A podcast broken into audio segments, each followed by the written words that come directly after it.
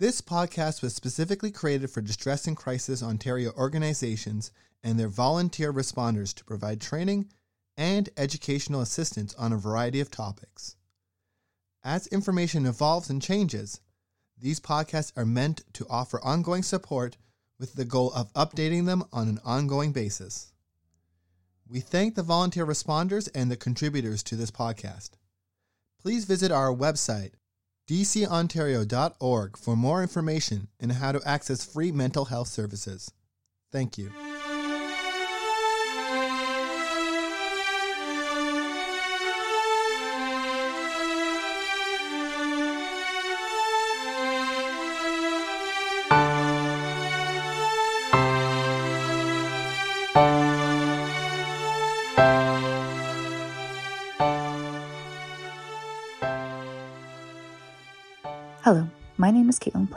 I am the Program Manager at Distress and Crisis Ontario. Thank you for choosing to listen to our podcast. Today's episode will be discussing suicide, suicidal ideation, and World Suicide Prevention Day. We will be talking about some subjects that may be difficult to listen to, and I ask that you please put yourself first Take care of yourself. Take a break from listening if you need to. Practice some self care. Just do whatever you think is best. And do not force yourself to listen to this episode if it is going to be difficult. World Suicide Prevention Day occurs on September 10th every year. And as such, we will be sharing some information today from our own toolkits on suicide prevention, as well as some information from the International Association for Suicide Prevention on what World Suicide Prevention Day is and this year's theme of creating hope through action. So, what is suicide? A suicide occurs when a person ends their own life, whether intentionally or by accident. A suicide attempt is when someone harms themselves with the goal of dying that results in survival.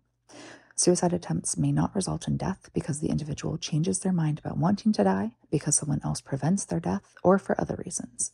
In any case, the after effects of an attempt can be traumatic for the person who participated in the attempt, their loved ones, and their community. Suicidal ideation refers to thinking about or planning suicide. These ideations can be a quick thought that passes through your mind, persistent thoughts, or a detailed plan of how someone could end their life. It does not include the final act of suicide, but may continue to grow, leading to an attempt of suicide.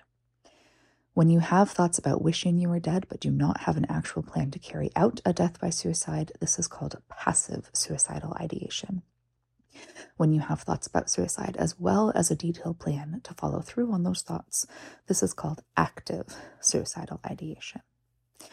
So, who does suicidal ideation have an impact on? Suicidal ideation can become a struggle for anyone. Your gender, age, sexual orientation, socioeconomic status, and or ethnicity do not matter.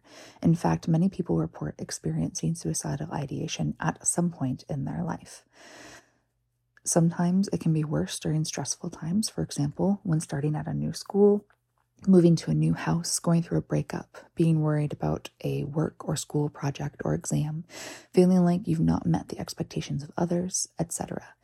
It can also occur as a result of unexpected events or when someone is facing physical and or mental health challenges such as a loss of a loved one or a diagnosis of a serious illness. There are many other potential causes. Just know that there is no one reason that someone may struggle with suicidal ideation. There are, however, certain risk factors that can make you more likely to be affected by suicidal ideation.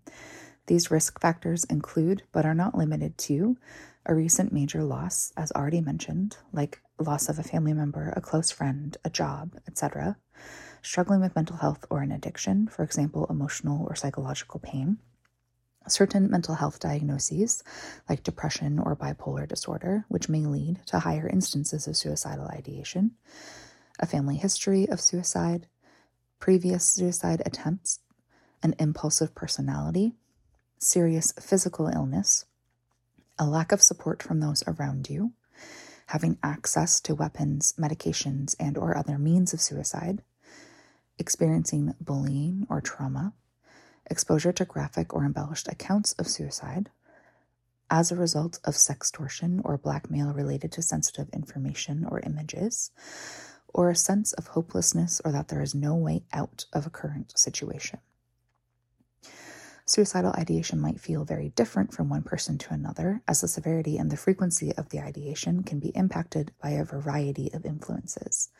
Some examples of what suicidal ideation may feel like include, but again are not limited to, feeling trapped or hopeless and wanting a way out. For example, feeling like life will never get better or a sense of hopelessness about the future, so why bother trying? Feeling unbearable emotional or physical pain. Being preoccupied with thoughts of violence, dying, or death, experiencing dramatic mood shifts from high to low or a combination of the two, talking about revenge, guilt, or shame, experiencing a heightened state of anxiety, changes in routine, sleep patterns, or personality, for example, showering less, no interest in eating, loss of hobbies, isolating themselves, for example, no longer talking to close friends or participating in usual activities, expressing regret about being alive or being born, feeling no sense of purpose in life or reason for living, and talking about being a burden. Just as there are risk factors that make it more likely to feel suicidal ideation, there are also protective factors against suicidal ideation. When a person has protective factors present in their life, they are less likely to be at risk of suicide or suicidal ideation. In general, these protective factors help a person cope with stress and overwhelming experiences.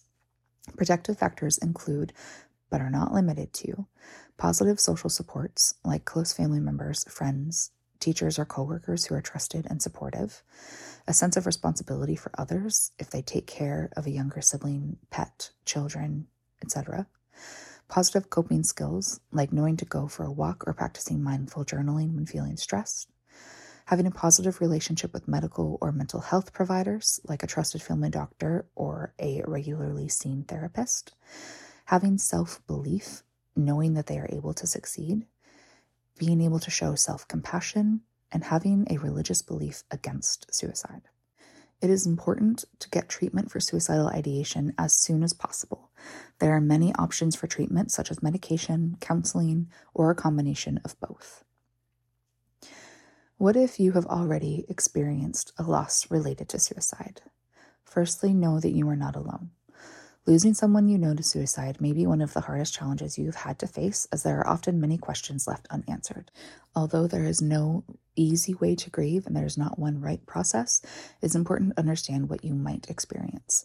It is also important to have access to many different resources and information as you may experience overwhelming emotions, confusion, and or suicidal thoughts yourself.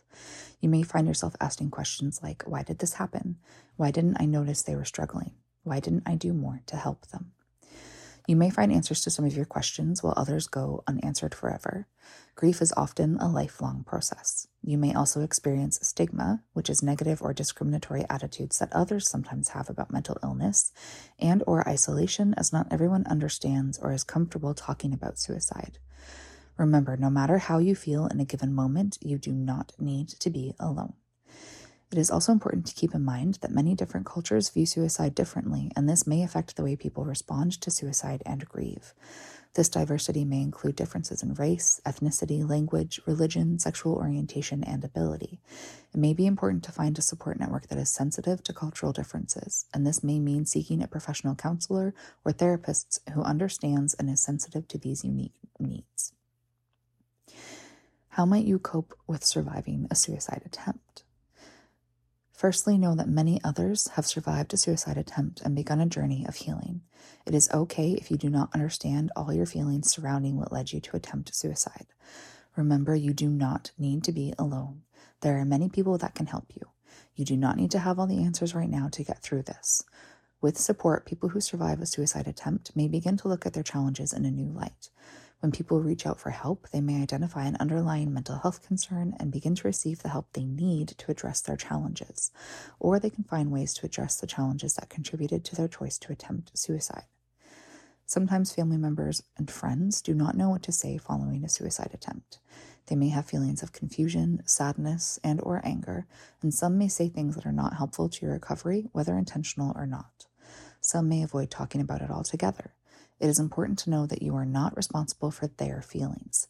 It is important for family members and friends to receive support too. It might be that you're not ready to talk about your attempt. A support person, such as a therapist or counselor, can help you find a way to communicate your needs to your family or other support persons. You can decide when and what you are comfortable talking about, as you may need time to process your feelings and have a right to your privacy. If you have a friend or a loved one who has attempted suicide, the first thing to know is that you are not at fault. Suicide can carry with it a stigma. The question of why someone attempted to take their life may often be difficult to answer. You will feel many emotions. Feelings of guilt and shame, especially, are associated with suicide. Give yourself permission to experience those emotions. Listen, offer support, and encourage hope in your loved one or friend. Focus on the person's strengths. Agree to go get help with them. Don't take on their problems. Try to help connect them with someone who can support them. Take all threats seriously and learn what resources exist in your area.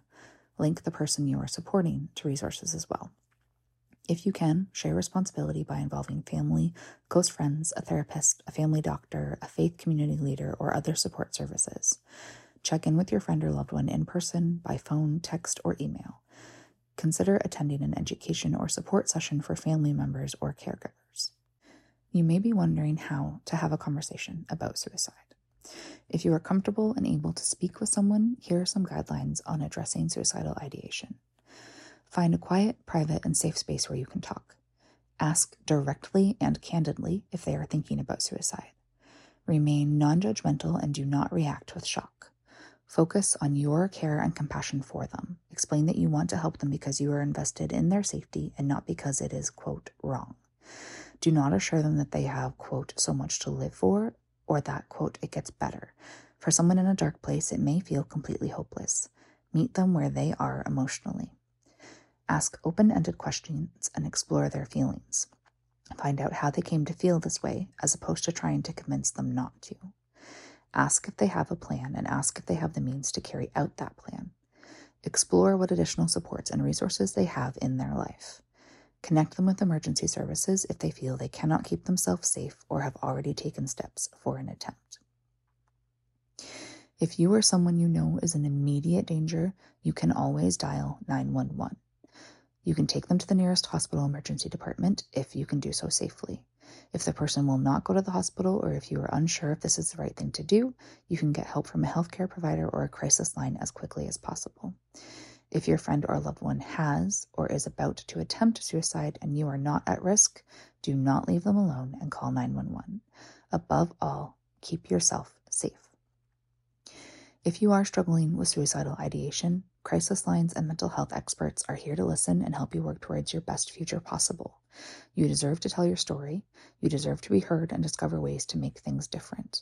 There are many different services that can help, many of which are found on our website at www.dcontario.org forward slash resources.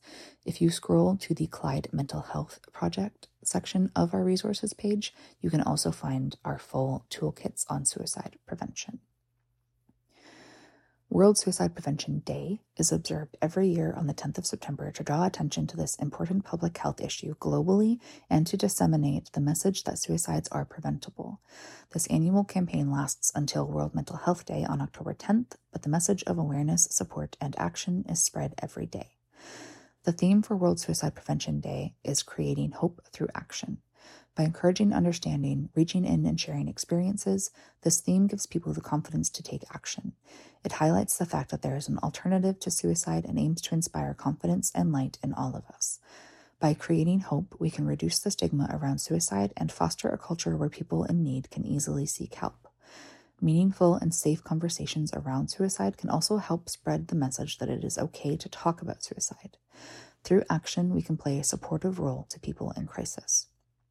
So, what can you do to engage? First, spread awareness. Raise awareness about suicide prevention by using various platforms such as social media, community events, and informational campaigns. Share statistics, facts, and messages that emphasize the importance of mental health and seeking help. You can even utilize hashtags related to suicide prevention to create a digital conversation around the topic. Next, start conversations.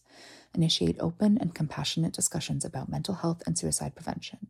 Encourage people to talk about their feelings, struggles, and experiences without judgment.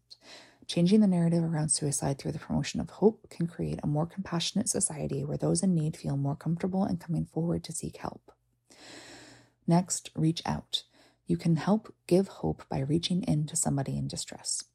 You do not need to tell them what to do or have solutions, but simply making the time and space to listen to someone about their experiences of distress or suicidal thoughts can help. Small talk can save lives and create a sense of connection and hope in somebody who may be struggling. Support organizations. Identify and support local and national organizations that are dedicated to suicide prevention and mental health support. This could involve volunteering your time, donating, or participating in fundraising events. Every little action is important as it helps to create hope. Share your story. Sharing your story of lived experience, whether it's your own experience of suicide or that of supporting someone, is extremely powerful. It can strengthen and inform our understanding and approaches to suicide. It helps connect us to more human experiences and ensures we develop more appropriate and nuanced responses. Finally, learn the signs. Educate yourself and others about the warning signs of someone who might be at risk of suicide. These risks include anxiety, depression, reckless behavior, hopelessness, mood changes, and withdrawal, as well as everything else we've already talked about in this episode. Being informed about these signs enables you to reach out and offer support. If you would like some more concrete examples of ways that you can engage with your government or local decision makers on World Suicide Prevention Day, visit www.iasp.info. That's www.iasp.info and click on their World Suicide Prevention Day campaign kit. Thank you again for listening to our podcast this week. As always, if you have any feedback, we would love to hear from you, and you can use the link in our show notes.